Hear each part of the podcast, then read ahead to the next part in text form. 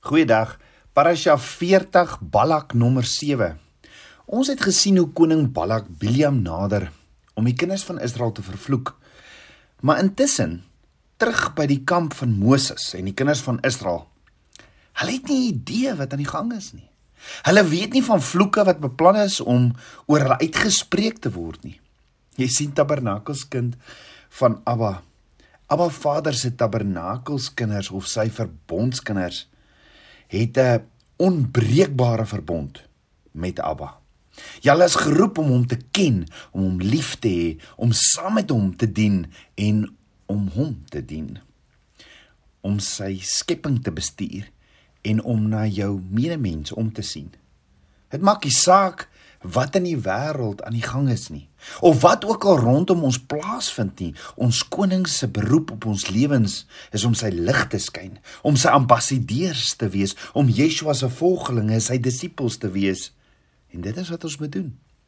So terwyl die kinders van Israel soos gewoonlik hout water en manna vir die dag versamel het niemand van hulle geweet dat 'n groep ou mans wat hulle nog nooit eens ontmoet het nie 'n volksmoordsveldtog teen hulle sou begin nie.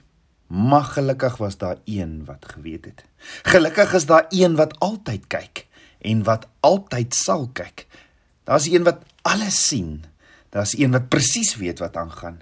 Ja, hy wat oor Israel waak, slaap nie. Psalm 121 vers 4 tot 5 sê: "Kyk, die bewaarder van Israel slymer of slaap nie.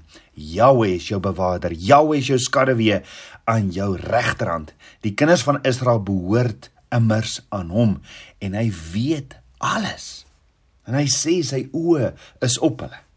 So jy weet van elke fluistering of dood wat beplan word om gespreek te word. Hy weet van alles. Ja, Abba Vader is ons vernoot in verbond. En om sameswerings of vloeke te wil spreek teenoor Abba Vader se verbondsvernote is soos om in opstand te kom met homself. Om in opstand te kom met Abba Vader. Want sy beskerming en voorsiening is deel van sy verbondsverbintenis met ons. Maar ons deel van die verbond is om te doen presies wat hy vir ons sê, om hom te shema, waar ons dan hierdie shema leefstyl aanneem. Shema wat beteken Heer luister nou by. So ons moet net leer om hom toe te laat ook om te doen wat die groter verbondsvernoot doen en dit nie as die kleiner verbondsvernoot te wil doen nie. Ons moet net doen wat ons veronderstel is om te doen. So hierdie week se parasha is 'n verhaal van van twee paaie, twee families. En daarom het ons die week se parasha gedeelte begin hierdie week met 'n parallel tussen Abraham en Biljam.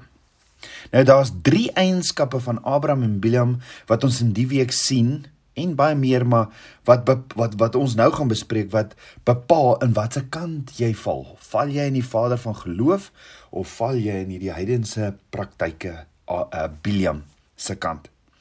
Let wel, Abraham se familie en Biliam se familie se eienskappe verskil. So om in verbondsverhouding met Abba Vader te wandel in geloof soos Abraham gebeur die volgende drie goed. Jy sien die dinge raak wat Abba Vader op jou pad stuur. Jy's nederig, tevrede, vergenoegd in Abba. Hy is jy is dan ook Abba Vader gehoorsaam en doen presies soos hy sê. As jy nie in verbondverhouding saam met Abba Vader wandel nie, soos Biliam, dan gebeur die volgende drie goed.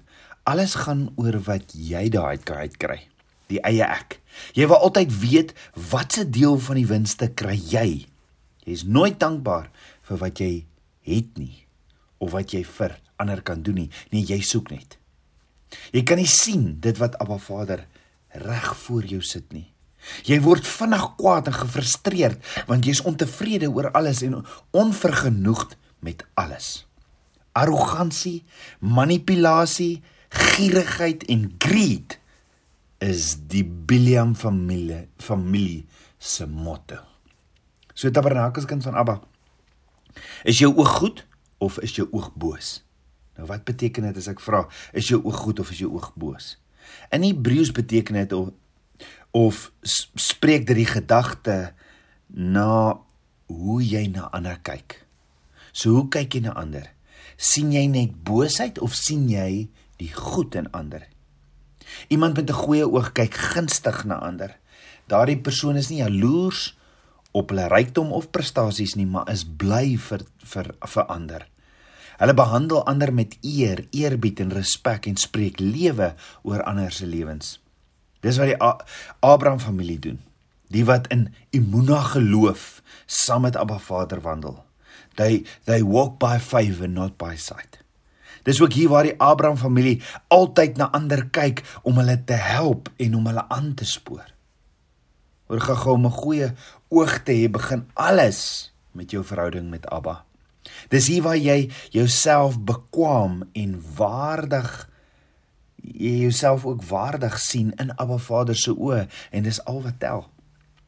As 'n persoon homself as bekwame en waardig in Abba Vader se oë sien, sal hy ander help en nie hulle wil uitbuit of jaloers wees op hulle nie. As jy egter krities en selfsugtig na ander mense in jou lewe kyk of hulle sien as hindernisse vir jou sukses of hulle sien as voorwerpe om te gebruik vir jou eie belang en om jou eie belang te bevorder, is jy deel van die Biliam familie. Dis hier waar jy alles sal tweak dat dit jou pas. En die vraag is is jou intensies met diegene rondom jou en met Abba Vader gekenmerk deur nederigheid die weg van Abraham of deur arrogansie die weg van Biliam. Jy sien ware nederigheid is om 'n om 'n mens se plek en verhouding tot ander te ken veral teenoor Abba Vader. Die manier Natuurlik van Biliam is egter om die absolute minimum te doen wat nodig is om Abba Vader te paai sodat Abba Vader jou sal toelaat en alleen sal laat sodat jy net sal doen wat jy regtig wil doen. Jou eie wil. Biliam se doel of hele plan was om Abba Vader irrelevant irrelevant te maak en alle aandag op homself en op sy bediening te vestig. Dit het alles gegaan oor wat hy hier gaan uitkry. Tabernakels kind van Abba. Dis wat jy vandag nog selfs vandag nog in die kerk kry.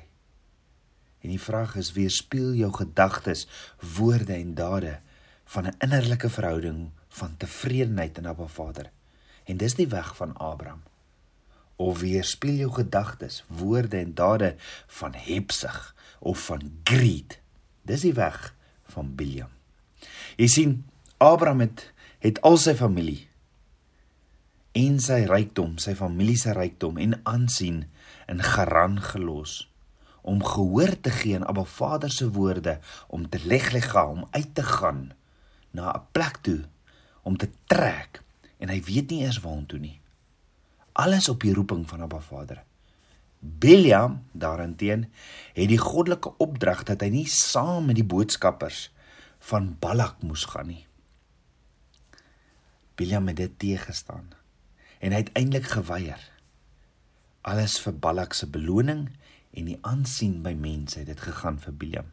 Abraham het toe Abba Vader sê gaan offer jou seun, het hy ook 'n donkie gepak en getrek en hy het sy seun geoffer. Biliam het sy donkie gepak en getrek vir die eie ek vir dit wat hy daai kan kry. So as ek mag vra, wie verteenwoordig ek en jy? Jy sien die uiteindelike en en dodelikste vorm van geestelike misleiding is dis nie wat ander aan jou doen nie. Dit is meer wat jy aan jouself doen. Nou, ons moet regverdig optree. Lief wees vir ons naaste genade betoon en vergewe soos wat jy wil hê Abba Vader moet jou vergewe. En dis om nederig te wandel saam met Abba Vader, jou God en nie meer van jouself te dink as wat jy behoort nie. So ons het gesien Bilam het op sy donkie 'n ontmoeting gehad met 'n engel van Abba. Die Hebreëse woord vir engel in Numeri 22 vers 23 is malak wat beteken boodskapper. Maar dit kan ook 'n boodskapper van 'n koning menslike boodskapper wees of 'n hemelse wese of anders gestel 'n boodskapper van Jahweh. Maar Biliam was eers blind En so weet ons het ons dit gister gesien slaan hy sy donkie 3 keer. Soveel sodat sy donkie met hom begin praat het, maar Biliam sien nie eers die wonderwerk raak dat 'n donkie met hom praat nie. Nee, Biliam is vasgevang in die natuurlike of die vleeslike. Blind vir die geestelike. Hy's so vasgevang in die begeerlikheid van die vlees en die oë en die grootsheid van die wêreld dat hy nie eens Abba Vader se boodskapper sien nie. Tabernakelskind van Abba net so is myn jou oë en ore oop. sien jy Abba Vader se boodskapper wat vir jou gestuur is? Hoor jy Abba Vader met jou praat in jou situasie vandag? Of kla jy soos Biliam vandag oor jou fisiese pyn, jou voet wat ook teen die muur vasgedruk word deur die donkie want die donkie gee die pad uit en Biliam se voet word deurgedruk en dit maak Biliam briesend, hy wil die donkie slaan word jou voet ook vandag vasgedruk. Dit is tyd om dit wat in die duisternis is in die lig te bring vandag. Dit is tyd om die geestelike werklikheid van wat rondom ons aangaan heeltemal begin duidelik te maak. Dit is tyd dat Biliam en die Biliam in ons almal ons donkiestokke neersit. Dit is tyd dat ons ons vuil eie geregtige monde toemaak en ons pappa nader. Dis tyd o ja, dis tyd om schemes eie planne neer te lê. Dis tyd om ons eie plannetjies neer te lê. Dis tyd om onsself neer te lê by die voet van die kruis. En dis tyd om skoon gewas te word met die waterbad van die woord. Jy sien as jy kan neerval. Hoor gou. As jy kan neerval. Of as jy net tot die besef kan kom jy is nie op die op die regte pad nie. Want hoor gaga, toe Biliam agterkom waarmee hy besig is, toe maak Abba Vader Biliam se oë oop. En kan Abba vandag my jou oë oop kom maak?